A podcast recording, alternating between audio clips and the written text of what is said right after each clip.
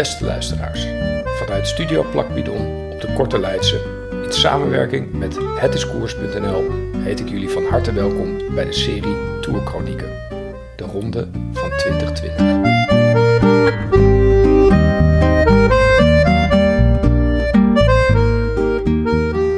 Etappe 1.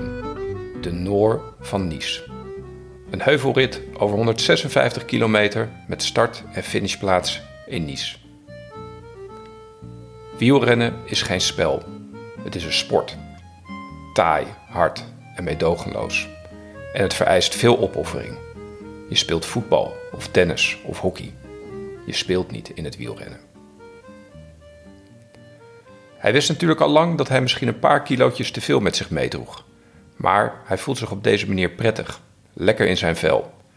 Davide, de kleine Italiaanse grappenmaker uit zijn team, had de avond voor de start al gekscherend gevraagd of hij het broertje van Nairo soms opgepeuzeld had bij het ontbijt. Hij kon het wel waarderen. Hij was terug in een race waar hij in het verleden al een aantal mooie successen wist te boeken. En hij wist ook dat de verwachtingen voor hem deze tour niet groot waren. Nog vanuit de ploeg, nog vanuit het peloton. Ze hebben dit jaar hele andere plannen. Hij is ook een man die gemiddeld genomen niet het beste uit de spreekwoordelijke verf komt in de omstandigheden van een grote ronde. Veelal stijgt het kwik te hoog en is er gedurende een etappe te veel controle. Situaties waar de beer van Stavanger normaliter weinig mee kan. Hoe harder, hoe beter. Hoe taaier, hoe mooier. Hij ziet het direct al bij het ochtendgloren, kijkend naar buiten uit het raam vanuit zijn hotelkamer in Nice. Een stad die al weken geen druppel regen heeft gezien, is ineens gehuld in een grijze sluier. Tijdens de briefing wordt zijn gevoel gesterkt als de weersvoorspellingen ter sprake komen. Het zou die dag een stuk kouder dan normaal worden, met hier en daar kans op een bui. Alexander Christophe kijkt om zich heen en schept nog wat toast, bacon en ei op zijn bord. De tengere Aru, Pogacar en Formelo zitten van een heel zuinig bordje te snoepen om hun vetpercentages in de single digits te houden. Maar Alexander the Great weet dat hij juist vandaag elke koolhydraat goed kan gebruiken. Zoals altijd is de eerste etappe in een grote ronde er eentje van nervositeit. Van spanning, paniek en van een foutje zit in een klein hoekje. Iedereen wil, maar niet iedereen kan. Met het recente leven in de teambubbel had hij nooit een probleem gehad. Opgroeiend in het dunbevolkte Noorwegen is hij wel gewend aan weinig mensen om zich heen. Zoals zo vaak in een eerste etappe stuiven er een handjevol renners van onbekende statuur, maar veelal Franse nationaliteit uit de startblokken om zich kenbaar te maken voor de camera's van de motage. Three men peeled off at the front. French duo Fabien Grelier and Cyril Gauthier and the big Swiss Michael Schar. Om zo wat zendtijd voor hun sponsoren in te ruimen. Daar deed hij nooit aan mee. De etappe van vandaag zou zich in en rondom Nice afspelen. Christophe had uiteraard gezien dat het slechts 156 kilometer betrof en dat de beklimmingen hem onderweg wel moesten liggen. Al na de eerste spatjes regen begint de nervositeit binnen het peloton op te lopen. En bij de eerste passage door Nice lijkt hij die rappe ier van Quickstep tussen de gevallenen te ontwaren. Oh, a crash already. In TT as well, we see riders on the on the Sam ground here. Bennett's also been held up by that crash. Het wordt meer en meer een slagveld. En Christophe wordt met elke millimeter regen die op het wegdek valt meer en meer gefocust. En raakt ook meer en meer in zijn element. Hetzelfde geldt niet voor een jonge knaap met de naam Sivakov. An Ineos rider there as well. It looks like uh, Sivakov. Sivakov is down as well. Christophe kan zich herinneren dat deze rusttalige Fransman die voor Ineos uitkomt, de man in vorm is bij het team. Hoewel de focus op Bernal en Carapaz lag, moesten ze deze jongen niet te veel ruimte geven, was het devies vanuit de ploeg. Nou ja, hij lag nu Frans vloekend op de grond, hoefden ze zich daar ook geen zorgen meer over te maken. Ook Richie Port moet het ontgelden. De schuchtere Australiër met een grote gunfactor had hij al vaker in een feutushouding op het asfalt gezien. En terwijl hij de focus bij de race en op zichzelf houdt, kan hij toch niet voorkomen dat de hoop hem bekruipt dat Port weer op zal stappen en de race kan vervolgen. Ook dat is wielrennen. Hij krijgt via het oortje te horen dat niet solo achterop is geraakt. De huidige Europees en Italiaans kampioen lijkt dé man in vorm. maar is tegen het spekgladde asfalt gegaan. Christophe zelf zit nog strak in het zadel. Op 50 kilometer van de meet is het gedaan met de vroege vlucht. En in de hieropvolgende afdaling ziet hij dat de Duitse panzerwagen zich op kop van het peloton zet.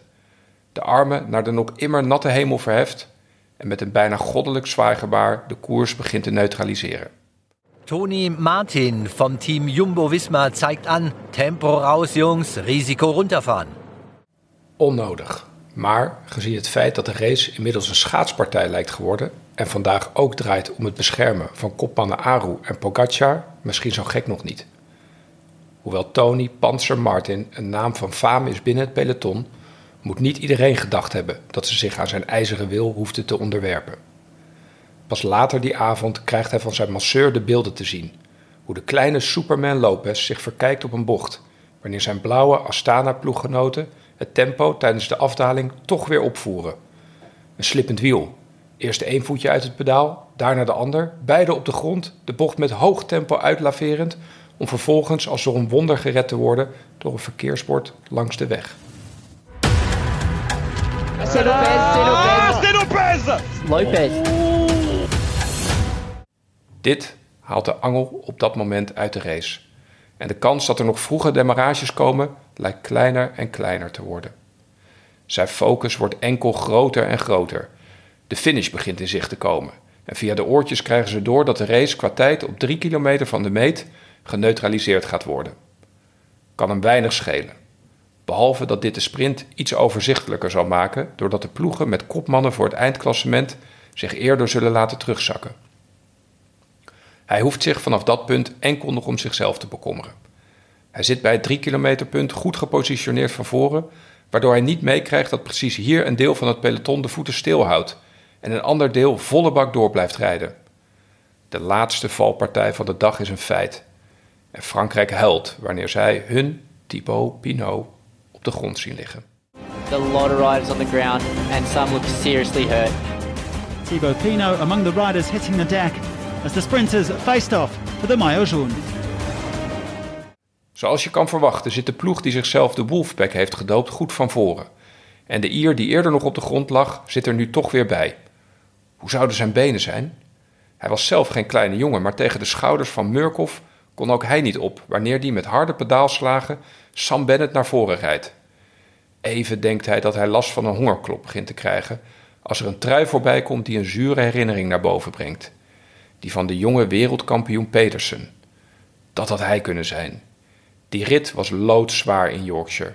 En toen hij de slag gemist had, wist hij in de sprint om de zevende plek wel best of the rest te worden.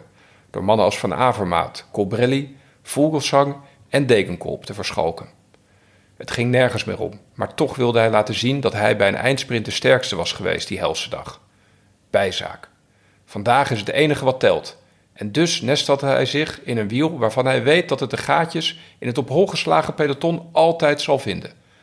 De man die hij al in ontelbaar veel koersen in die felbegeerde regenboogtrui de gekste capriolen had zien uithalen. Peto Sagan, de Hulk, een kunstenaar op de fiets. En voor hem vandaag hopelijk de ideale lead-out. Nadat hij Murkoff heeft zien komen, Sagan het wiel van Bennett ziet kiezen, schiet er plots als eerste man van de Sunwebs uit het zadel omhoog.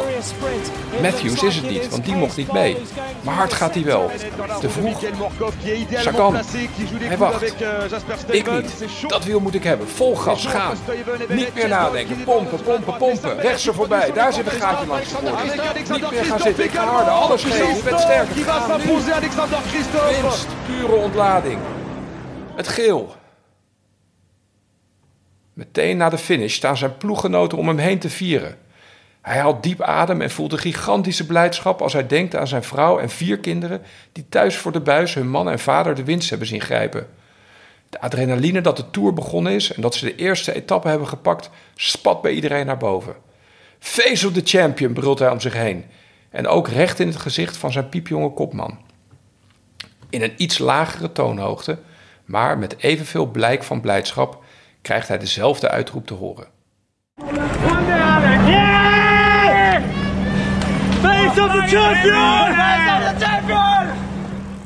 Pogacar legt zijn kleine hand op die brede schouders en ze maken kort oogcontact. Het plezier spat er vanaf bij deze knaap. En Christophe weet dat hij recht in het gezicht van een kampioen kijkt. Still, still, if I'm 33 years old and have four kids, I still manage to uh, perform. So I'm, uh, I'm very happy about that. And I know the kids at home uh, look at me now and are very proud. So I will say hi to them and also my wife.